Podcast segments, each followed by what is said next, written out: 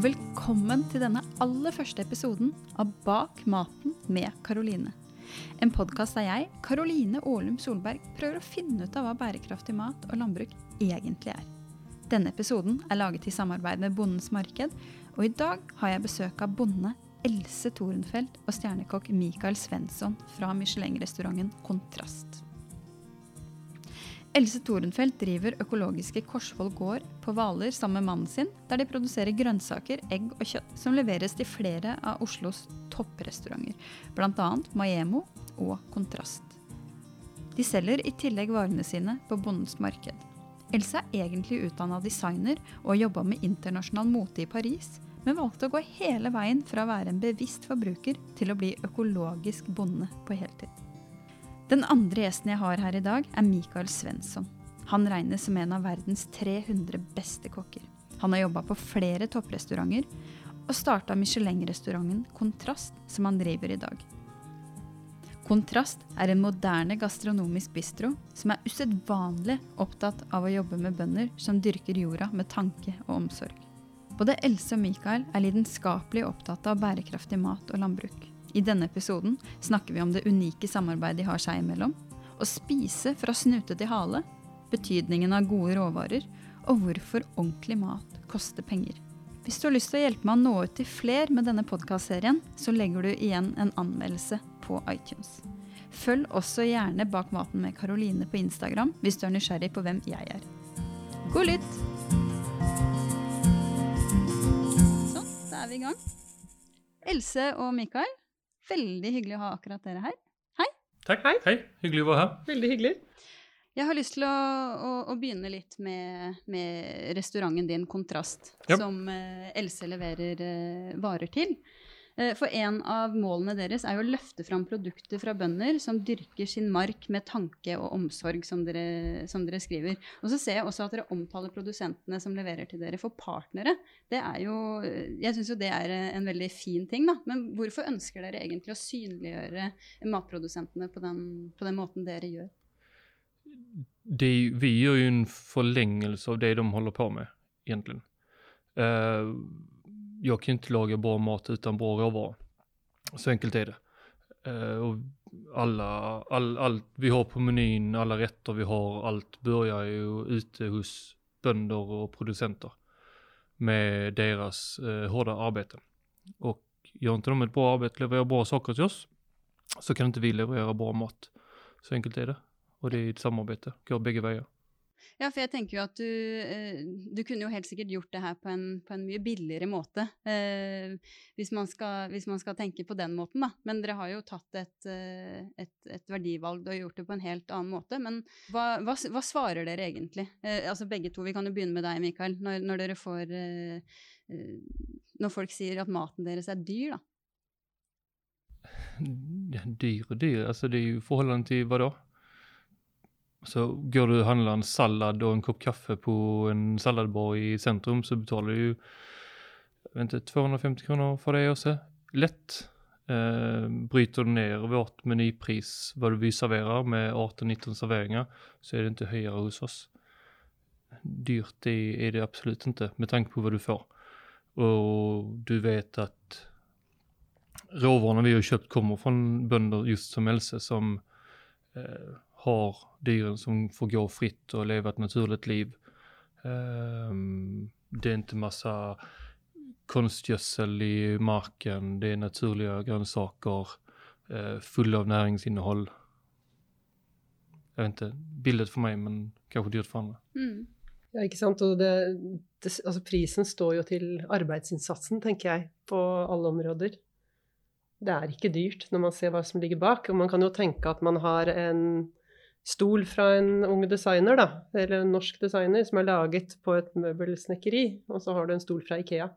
Det er to forskjellige ting. Og det er samme med f.eks. grønnsakene våre, da. Det er håndarbeid. Og det du finner i butikken, det er industri. Så, så dette er Det kan på en måte ikke sammenlignes. Så når man ser hvilket arbeid som ligger bak, både på restaurantens kjøkken og i, på gården hos oss, så er det jo alt annet enn dyrt. Dere snakker jo om, eh, om kvalitet, begge to. Hvordan, hvordan, ser jeg på en måte, eller smaker og ser forskjell på, på de råvarene eh, Else leverer? Det er små, smaken framfor alt. Um, og at vi får, det, vi får det direkte. Nå plukker Else på mandager og tirsdager det ur jorden og så har vi det på onsdag morgen. Ja. Uh, så det er jo pinfersk, og det smaker jo betydelig mye mer enn du köper via en grossist eller du går och köper i butiken som varit plockat och legat på lastbil och legat på köllager här och köllager där och så vidare. Det är en månad gammal kanske, vissa rotgrönsaker, minst. Där du kommer smaka forskjellen om vi gör en blindtest till dig. Ja, garantert. Ja, ja. Det, det, er helt, det er helt, for meg er det helt ulike produkter. Det er to produkter. forskjellige Ja. produkter, ja. Og den måten her å, å handle direkte fra, eh, fra produsenten, hva, kan du si litt om hva det betyr for deg? Det betyr enormt mye, for vi planlegger hele produksjonen ut ifra hva Mikael f.eks. tenker at han har lyst til å bruke. eh, Og hva vi vet at våre kunder på Bondens Marked f.eks. har lyst til å kjøpe. Og så legger vi opp hele produksjonen. Og vi har jo dialog i forkant av at jeg bestiller frø, om hva vi har lyst til å satse på. Så det blir en helt annen forutsigbarhet? Helt annen forutsigbarhet. Selvfølgelig så er det så mange andre faktorer som at uh, vær og vind og ikke sant uh, Kanskje Michael ombestemmer seg. Altså det er, alt dette, men det er helt greit. Ja. Men det gir på en måte et utgangspunkt. Og så bygger man på tidligere års erfaringer og, og hva man syns var godt, og hva som fungerte og hva som ikke fungerte. Så, så det samarbeidet ikke altså det er Alt dette vi liker ved å drive gård, er jo at vi kan ha den dialogen som er veldig kreativ. Det som gjør det veldig gøy, gøy også, er jo at vi kan gjøre en sak. Vi börjar planere i december, januar För exempel hva Else skal plantere. Og så går man og gleder seg hele til, till sommaren. Eller til 9. augusti innan man får det. Og så underveis så finner du ut av noe som kanskje hadde vært bedre, Eller jeg finner ut av noe i slutten på sesongen hva jeg egentlig skulle ville gjøre med den råvaran. Så får man liksom gå och glädja sig ett helt år nästan och vänta på det. Det är liksom sån, till man får en chans att göra om det igen då. Men Ja. det blir väldigt gøy planering og tankemåte og sett å jobbe på. Det er jo en litt utradisjonell måte å, å jobbe på egentlig for, for kokker. Hva er det som har gjort at du har valgt å gjøre det på denne måten? Jeg tror det er litt grann at det var så før. Uh, før allting var så lättillgängligt. När, när jag gick i kockskola eller började laga mat hemma i Skåne där jag kommer ifrån så hade du ju kanske närmare till vissa gårdar runt omkring än grossister och leveranser och sånt. Så då planerade du menyn lite mer på det sättet. Kanske inte så extremt som vi gör nu, men det var lite det tankesättet. Sen när jag flyttade, man flyttade till en by eller flyttade så här, allting fanns jättetillgängligt. Du fick grönsaker varje dag, allt kommer från Europa varje dag, varje vecka och så här. Så glömde man bort det lite grann. Uh, och sen var jag lite trött på det sättet att laga mat på när jag skulle öppna själv. Och då så blev det mer det här, gå direkt till bunden, låta säsongerna styra, låta det som växer styra menyn. Jeg tenker jo at det, det du beskriver nå, er jo egentlig altså Sånn jeg ser det, kjernen av å leve bærekraftig, kanskje. Det å, å følge sesongene på den måten. Og, eh, og dere skriver også på hjemmesiden til eh, eh, restauranten eh, Kontrast at, at dere er litt opptatt av å ikke stille krav til naturen, men at dere på en måte tilpasser dere naturen isteden. Og jeg syns jo det er en veldig fin måte å, å tenke på. Ja, nei, men jeg tycker det er det är kul sett å lage mat på. Att du får anpassa dig efter säsongsvariationerna. Och från år till år. Att ena, ena året är det, är det små rödbetor och andra året är det stora rödbetor. Så kan du laga två helt olika rätter fast du är exakt samma säsong. Mm. Mm. Ja. Det, er, det er veldig mye sånn vær og vind som, som spiller inn. Det är ju det. Ja. Litt frustrerende til tider men veldig gøy mellom. Ikke sant? Ja. Else, du har jo ikke vært, eh, vært matprodusent hele yrkeskarrieren din. Du har faktisk vært eh, designer og drevet med internasjonal mote. Du begynte jo den reisen her som en eh, bevisst forbruker. Kan ikke du si litt om, om det kjempespranget du har gjort eh, karrieremessig, da? Ja, det er veldig mange som sier at det spranget er kjempestort, men for meg så er det egentlig ikke så ulikt. Nei, forklar. Eh, Det handler om godt håndverk, kvalitet, god smak, eh, bærekraft, eh, estetikk, kreativitet. Og det er jo akkurat det, på mange måter det samme. Så da vi startet gården, så startet vi jo det med det i bakhodet. At dette skulle smake godt, være vakkert. Det var på en måte nesten et kunstnerisk prosjekt på Ja. mange måter. Og så var det det at vi ville finne de matvarene som vi ikke fant, eller lage de matvarene vi ikke fant i butikken. Og jeg har bodd lenge i Frankrike, og der er man opptatt av gode råvarer. Og jeg var vant til å gå på markeder. og ja, det, så, så egentlig at det er så ulikt, det er jeg litt uenig i. Jeg føler at jeg får ut den kreativiteten litt på samme måte. Og det er to bransjer som har de samme utfordringene. Matindustrien og moteindustrien eh, må faktisk eh, drives i en mer bærekraftig retning. Kanskje alle bransjer. Alle bransjer. Men det er to av dem som er, har virkelig behov for det.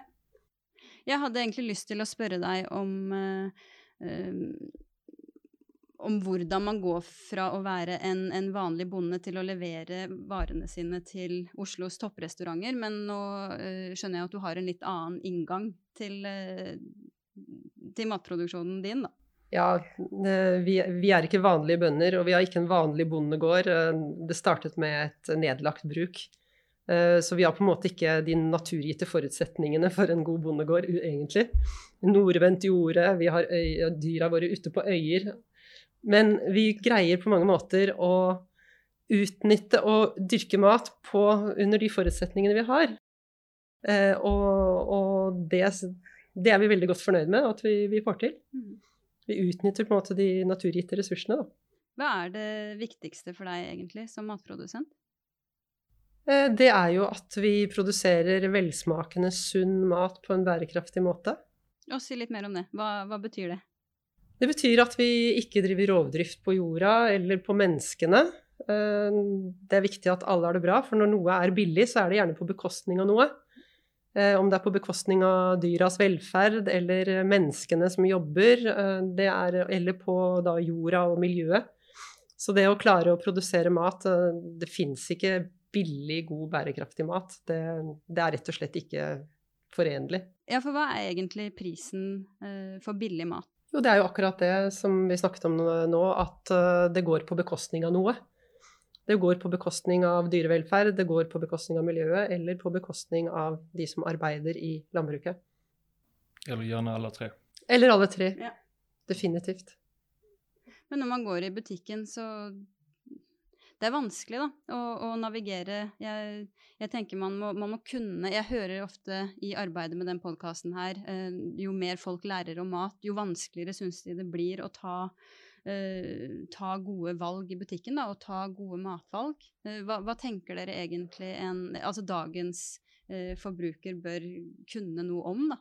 Mikael, jeg begynner med deg. Så for meg er det sånn, man lærer seg hele tiden.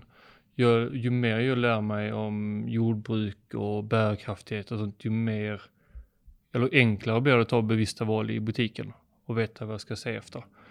Men alltså folk må ju bara börja ta små steg och man kanske väljer den ekologiska agurken istället för den vanliga ena gången. Och nästa gång så väljer man norska ekologiska tomater istället för importtomater. Alltså små, små steg. Så börjar man där och så kanske man börjar titta in på ja, men kyllingproduktion, det ser inte så väldigt aptitligt ut. Så då kanske man väljer ekologiskt frigående kylling nästa gång. Och sen så tar man liksom steg og små steg mot mer bærekraft. Man får ikke bytte ut hele ka- handlekassen på en for det tror jeg kan være litt Ja. eh, Kjennes litt At man blir litt maktesløs da, hvis man Exakt. tenker man må, man må gjøre alt på en gang. Ja, det handler jo ikke om att, att alle skal sluta etter rødt kjøtt og bare etter økologiske grønnsaker. med altså 100% nu. Det, man får bare ta små, små val og börja tenke litt efter hvor kommer det her kjøttet fra. Hvordan har det her djuret hatt det før det kom hit? Har det liksom stått i bur i Uruguay? Er det derfor det er så billig? Eller er det frigående fra en økologisk gård i Skandinavien? Jeg støtter helt, eh, helt opp om det. Det er det å ta de små stegene. Kanskje gå på og handle på bondens marked istedenfor å gå i supermarkedet en gang iblant. Handle på Reko en gang iblant. Og så prøve seg fram litt og se, og så kanskje erfare at det smaker annerledes. Mm. Gå på Bondens marked er jo en fantastisk start å møte bønder direkte. og... Ja. få kjøpt noe. Du behöver ikke veckohandla kanskje, men kjøp noe lite, snakk med lite folk, få litt tips, få litt inspirasjon. Ja, for det er kanskje det som mangler litt i dag, den av, avkoblingen vi som forbrukere har til eh, hvordan det egentlig er å produsere mat. Mhm. Og det unike der er jo at du faktisk treffer bonden og kan stille de spørsmålene. Det er et godt møte. Exakt.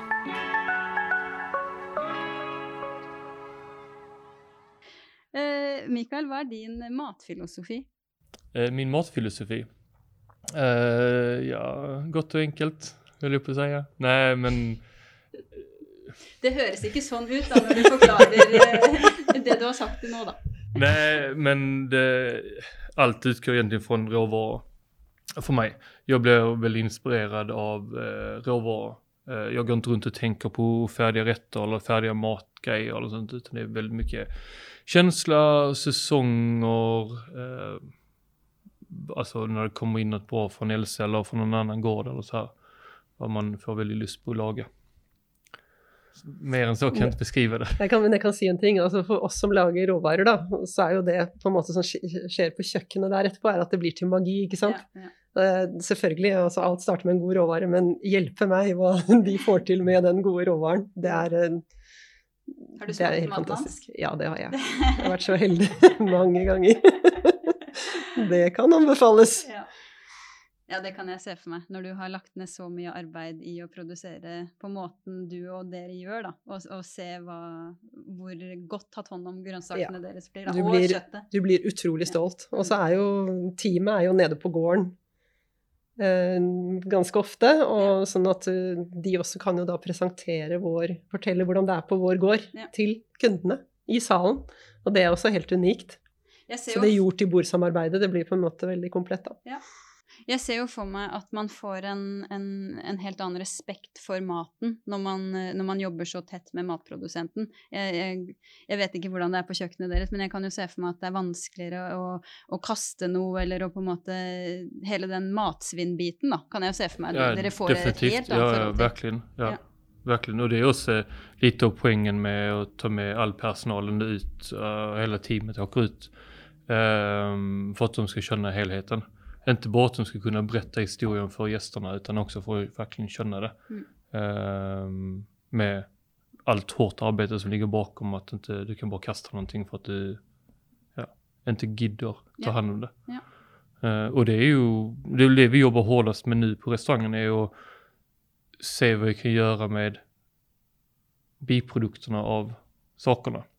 Att man inte kastar någonting utan vi försöker gå en vända till med vad man kan göra på restprodukterna av grönsaker och så vidare. Kan du komme med noen konkrete eksempler der?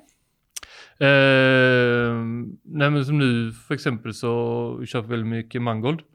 Och då tar vi eh, stilken i mitten som är lite hard för vi brukar vara bladen. Den, eh, den fermenterar vi i rödbetsjuice. Eh, så juicar vi rödbetsjuice, tillsätter lite salt, lägger det i vakuumpåsar och sen får det ligga till vintern. Till Ja. exempel. Ja. Så blir det liksom ett tillbehör till någonting i vinter. Ja. Ehm, vi har gulrötter nu på menyn. Um, och det går rätt mycket gulrotsjuice. Vi juicar dem. Så all den pulpen som blir efter juicing, också den fermenterar vi, torkar vi och så är det pulver som vi sen mixar upp och så får vi en typ fermenterad, med olja så får vi en sånn fermenterad uh, gulrotsoljekräm. Dette Så høres jo veldig og kreativt sånt, ut. Ja. altså alltså det är ingenting vi liksom kommit på över natten utan det är liksom sån, vi gör en, man gör en sak ett år så gör vi en sak nästa år och så, och så, så det är ju lite det här med, du får vänta på nästa säsong som är lite så spännande. Eh, och då låser du upp så lite så små nycklar, uh, små skåp varje säsong. Och så bygger du upp din erfarenhetsbank och så sju år senare så har vi ett ganska brett spektra vad vi kan göra med ting. Da er det jo mye som dukker opp uh, gjennom vinteren, ikke sant? Hvor du kan hente fram igjen de smakene fra da, når sesongen eh, var på topp. Mhm. For det er jo et veldig kort øyeblikk, et kort vindu. Det det. Det er liksom nå det skjer, og da skal da alt, alt komme på en gang. Så det å klare å på en måte gjøre, preservere og gjøre ting med det så det kan brukes utover vinter og vår når det er veldig tørt på grønt, Mhm. Mm. det er jo helt utrolig spennende. Ok, jeg har lyst til å snakke litt om, eh, om kjøtt. For vi lever i en, en verden nå, eller et, et samfunn, som er fryktelig opptatt av kyllingfilet, indrefilet, biff og andre sånne fine kjøttstykker da, av, av dyret. Men hvis man bare spiser det, så blir jo på en måte veldig mye av dyret eh, ikke brukt. Og jeg, jeg syns jo dette er forferdelig fra, fra, alle perspektiver, i forhold til ressursbruk, miljø, dyrevelferd, etisk, matkulturbiten. Og jeg vet at begge, begge dere er veldig opptatt av dette med å bruke dyret fra uh, hale til uh, snute. Kan ikke dere dele litt av tankene deres rundt, uh, rundt akkurat det her? Jo, når man slakter et dyr, så vil man jo finne fort ut at det er veldig liten prosent av det slaktet som er disse stykkene som du snakker om. Eh, og man vet jo også at eh, hvis man bruker litt mer tid på matlagingen, så er jo alle disse andre stykkene vel så smakfulle og gode. Så, det er mer smak i andre detaljer enn de her ædla. Det er ikke minst, sant? egentlig minst smak i filetene. Nemlig. Så, så, det for oss, altså det å uh, Kontrast, Michael, de kjøper jo hele dyr og stykker det ned og bruker alt. Og det er jo utfordrende i en sånn type restaurant som, som du driver, og det er så imponerende. Det, ja. Det hade ju varit, där hade det varit betydligt enklare om man nu bara tittar så på tallriken att bara öppna en påse med en filé och steka den och lägga den på tallriken. För den är ju rund och fin och tar så passen med plats. Så där är det lite mer utfordrande med att köpa hela djuren och men det er jo der du tar et større ansvar enn kanskje andre tar. da, Og, og selv om, og ikke velger den enkleste veien, men faktisk sier at det er ikke god på da, å bruke bare, bare disse fine stykkene. Vi er nødt til å bruke hele dyret. Ja, men det er rett, når man, som jeg sier, når du slakter et helt dyr, så ser du hvor liten del det er. Altså, du har to indrefileter, to ytrefileter og to entrecôter, og de veier liksom Hva kan de veie sammen? 10-15 kilo på en okse, som veier 450 kilo. da skjønner du perspektivet, ikke sant? Mm. Så da att kasta resten seg med ben og greier, 50 kilo liksom så rundt räknat, så da kasta de andre 400 kilo eller bare kvalle ned allting til kjøttdeig? Det, ja, det, for det var det som var neste spørsmålet mitt. Det, i, i, det store bildet i Norge, hva, hva skjer egentlig med uh, Vet dere det? Hva skjer egentlig med resten? En liten digresjon. Det er et par år siden jeg leste det, men da tror jeg det var 40% av eh, nøt, nøtdyr som slaktes i Norge, går til kjøttdeigproduksjon. Ja, det, det er jeg ikke klar over, men det kan jeg godt tenke meg. Men vil det si at det egentlig er uh, mye god næring i, i kjøttdeig? Hvordan ser du på det sånn fra en kokks perspektiv? Altså, jag brukar också kötta, det är klart jag gör det. Liksom. Det är ju. Jag går inte på restaurangen, det är lättvint. Men jag tror det är därför det blivit så, alltså det har helt tagit av med köttdeig. För att alla sådana vardagsuppskrifter är med köttdeig. Ja.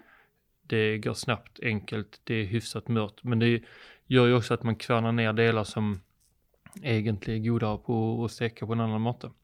Men det är ju det igen med tid. Ja.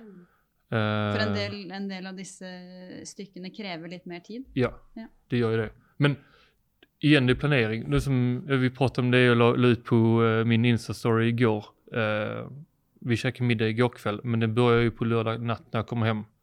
Kanske folk sätter inne på natten, men säg 20 timmar då. Du bara salt och peppar på köttstycket i gryta, järngryta med lock. 70-75 grader i ovnen. 12 till 20 timmar. Och så har du världens bästa möraste stek. Så du bara på att bryna på. Det är ännu snabbare än köttdeig. Det er enda raskere, bare du begynner i tid. Det er det med planleggingen. Du må egentlig ja. tenke alltid dagen før hva du skal ha i morgen. Ja, for det lager seg jo selv. Det, det lager seg selv. Beskrev nå. Exakt. Mm. Og det er jo enda godere kjøtt å hakke ned om du har taco, eller uh, om du vil ha det, enn å stå der med din kjøttdeig og tacokrydder. Så man gjør det innan nakke, kjake, altså sida bogstykkene i masse fantastiske kjøttdeler. Ja, vi hadde bog, bogstek av uh, mm. okse i går. Samme i jerngryta, inn i mm. ovnen og glem. Mm. Du kan glemme den og gjøre alt mulig annet, ikke sant? Mange timer senere. Det bare er så fantastisk eh, god smak. Men det er det at du kan ikke starte, du kan ikke begynne å tenke på veien hjem. Nå skal jeg lage middag, hva skal jeg lage? Men egentlig så er det mindre stressende mindre. om du setter på deg etter du har lagt barnen. da.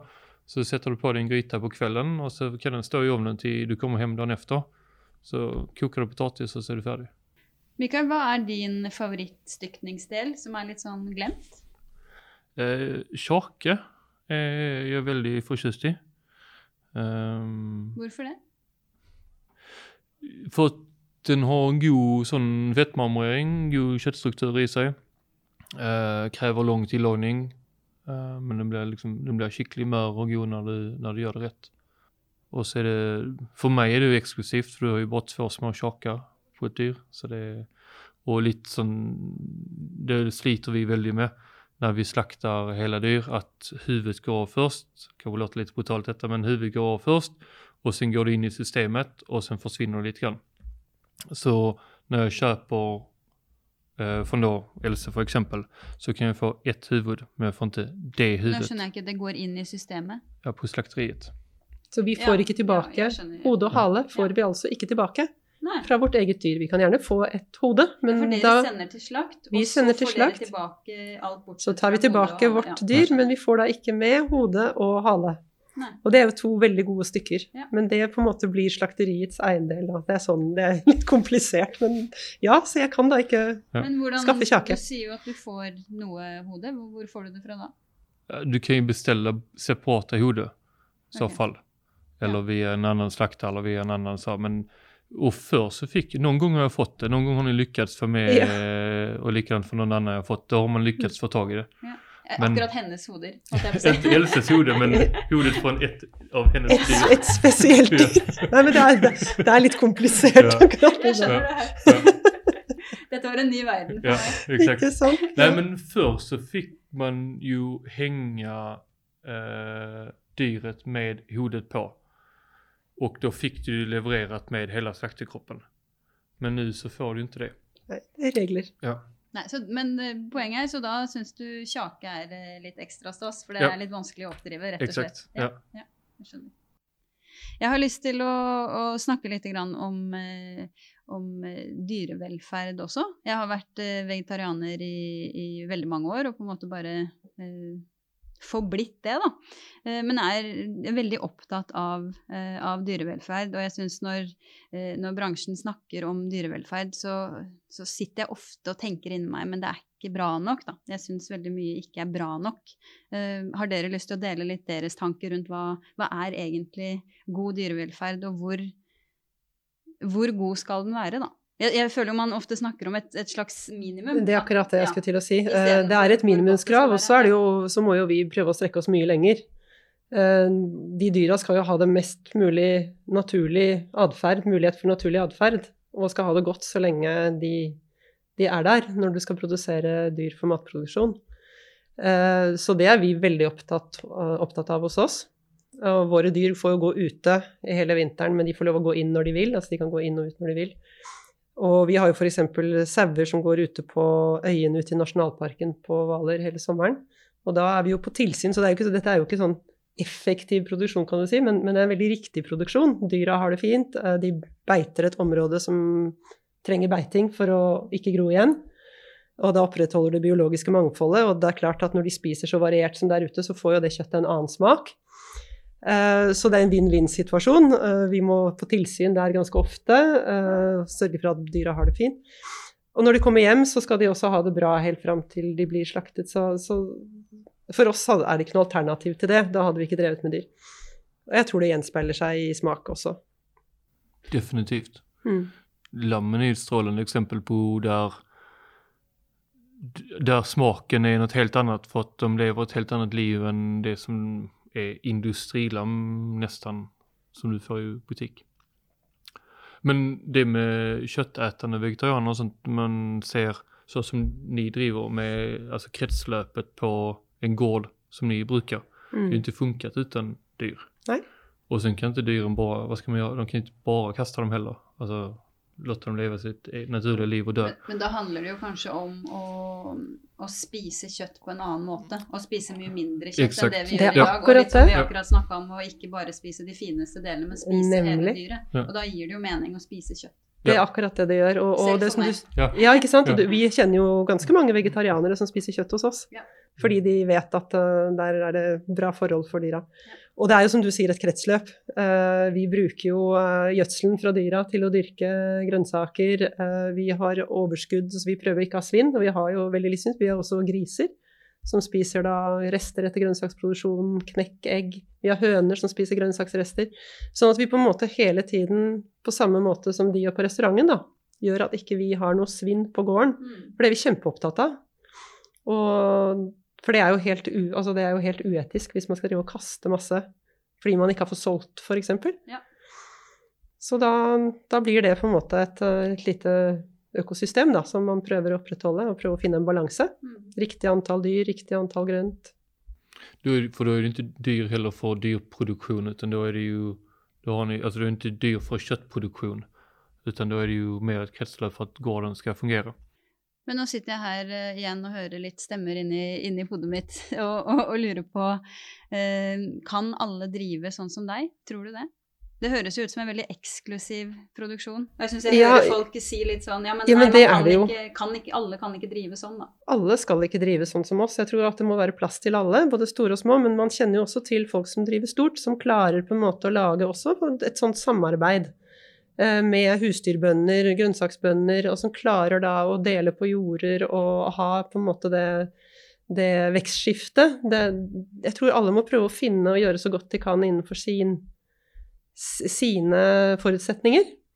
Det er klart at alle kan ikke Vi kan ikke fø hele verden med den type som vi gjør, men det er klart at, at skal man få dyrket, uh, dyrket mat, uh, så må man også bruke de små arealene. Og ja, det blir eksklusivt, men hvorfor ikke? Det må da være helt greit at noe er eksklusivt. Absolutt. Jeg er veldig väldigt glad for det, for jeg jag syns det blir veldig bra. Men det er jo ikke sånn at jeg spiser bare kjøtt fra ned, eller bare grønnsaker fra ned. Jeg går også i vanlige butikker og kjøper vanlig mat. Mm -hmm. Det ene behöver ikke utelukke det andre. Nei, absolutt. Eh, vi er nødt til å begynne å gå inn for landing, men jeg har, eh, jeg har noen avslutningsspørsmål. Dere har jo vært med i gamet en stund, begge to, så jeg, jeg er litt nysgjerrig på hvilke endringer har dere sett de siste, de siste ti årene? Det er enormt. Enorme endringer. Ja, ja. I hele det, altså hele det at, eh, at man har begynt å lage mat i sesong, f.eks. ja Det var jo nesten fraværende for ti år siden. ja. Så, så det er kanskje den aller største endringen. Og det at kokk og bonde samarbeider.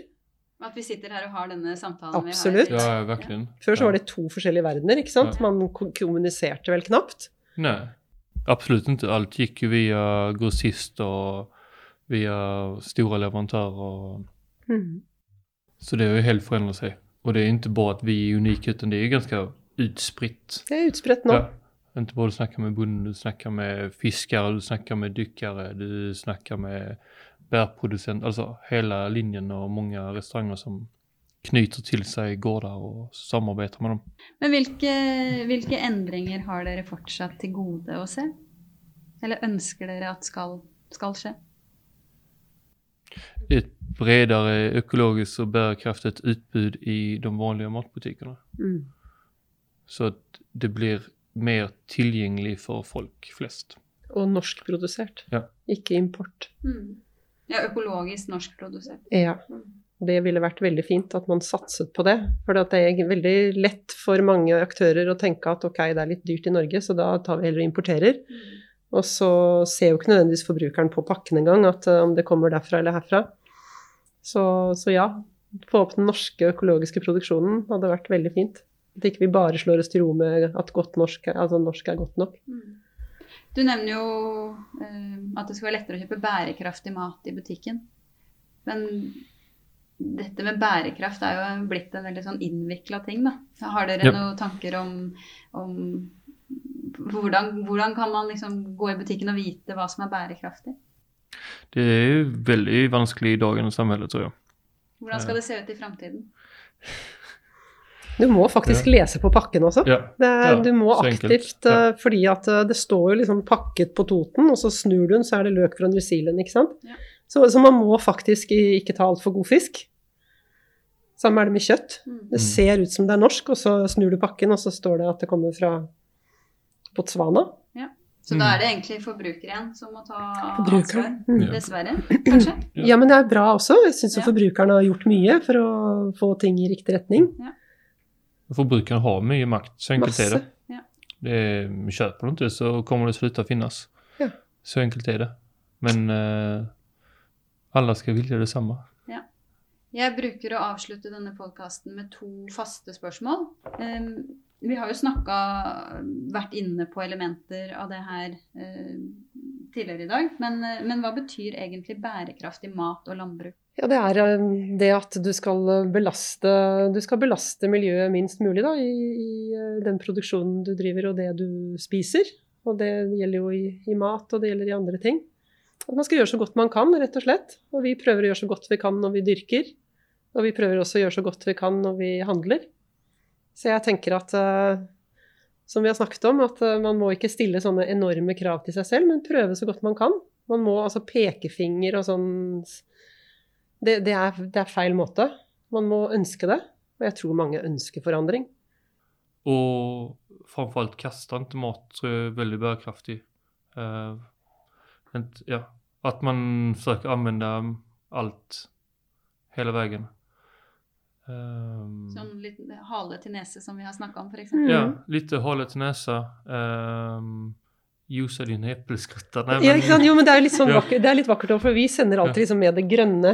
Med, og så sier plutselig Mikael på, på et tidspunkt sier han, du, nå kan du la være å sende med det grønne, gi det heller til grisen. Ja. Ikke sant? Altså, Fordi du klarer ikke kaste for da, da, Nei, ikke sant? da har de kanskje ikke noe juice de kan lage, eller et eller annet. ikke sant? Og da kan jo vi heller da gi det til dyra, ikke sant. Mm. Ja. Og det er jo som små bevisste valg, så blir det litt bedre. Det som kanskje er et lite steg i dag, er din normale hverdag om en uke eller mm. två. Mm. Och så tar du små och mer bevisste val till att välja något mer bärkraftigt nästa gång du är i butiken och så vidare. Du kanske inte köper den här industrikyllingen idag utan du kanske väljer den ekologiska den dagen. Mm. Eller at du kanskje ikke tar den melken som er, har lengst datostempel hvis du skal bruke den i dag. Kan du ikke ta den som står eh, der som faktisk går ut om ikke så lenge? Ja, exakt. Men sånn, egg går ikke ut på datum etter to uker. Nei. Nei. Det, ja. Ikke det hele tatt. Ja. Kanskje vi bare skal poengtere det i den podkasten her, så alle som hører, uh, får med seg det. det. Egg har lang holdbarhet. Ja. Enormt. Langt utover hva som står på forpakningen. Yes. Er det noe triks? da? Hvordan kan man vite om det faktisk har gått ut? Ja, det, det er veldig veldig lett. Et råttent egg det kjenner du igjen med en gang. så det er bare å åpne det? Det er bare å åpne det. Da lukter det friskt, så er det bare å spise. Og helt avslutningsvis, eh, hva gir deg håp, Mikael? Ehm, det vi sa innan, at vi er såpass langt kommet på tida at eh, det blir bare bedre og bedre. Folk blir mer og mer bevisst. Ehm, så håp finnes det alltid. Else, hva med deg? Ja, akkurat det samme. Det er at det har skjedd enormt mye. Og eh, noe som betyr mye for meg, er at eh, folk kommer på markedet og sier at vet du hva, det smaker jo helt annerledes, det du produserer. Altså at folk nå igjen begynner å skjønne at tomat smaker ikke tomat, men det er, altså, det er mange grader av tomat. Og det samme er det i salat, og det samme er det i bønner. Det at, at, folk blir bevisste på at det er faktisk forskjell. Og litt, litt opp, altså Ta jordbær som et eksempel. da. Vi vet jo alle at jordbær på vinteren ikke er gode, selv om de finnes i butikken. Och vi alla längtar efter liksom, de norska jordbären när de kommer för de är så sinnssykt goda. Om man tänker lite samma sak med lite fler mm. grönsaker. Sparar sig lite. Sparar sig lite ja. och inte bara låter allting finnas hela tiden. Så, eh, så blir det lite intressantare. Mm. Lite godare. Tusen tack för att ni kom bägge två. Tack för att du kom.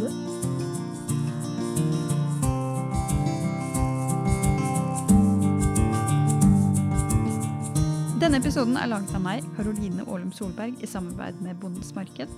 Og musikken er produsert av Creo og Lee Rosever. Tusen takk for at du hørte på denne episoden, og husk at det utgjør en stor forskjell om du legger igjen en anmeldelse på iTunes. Vi høres igjen neste uke. Ha det!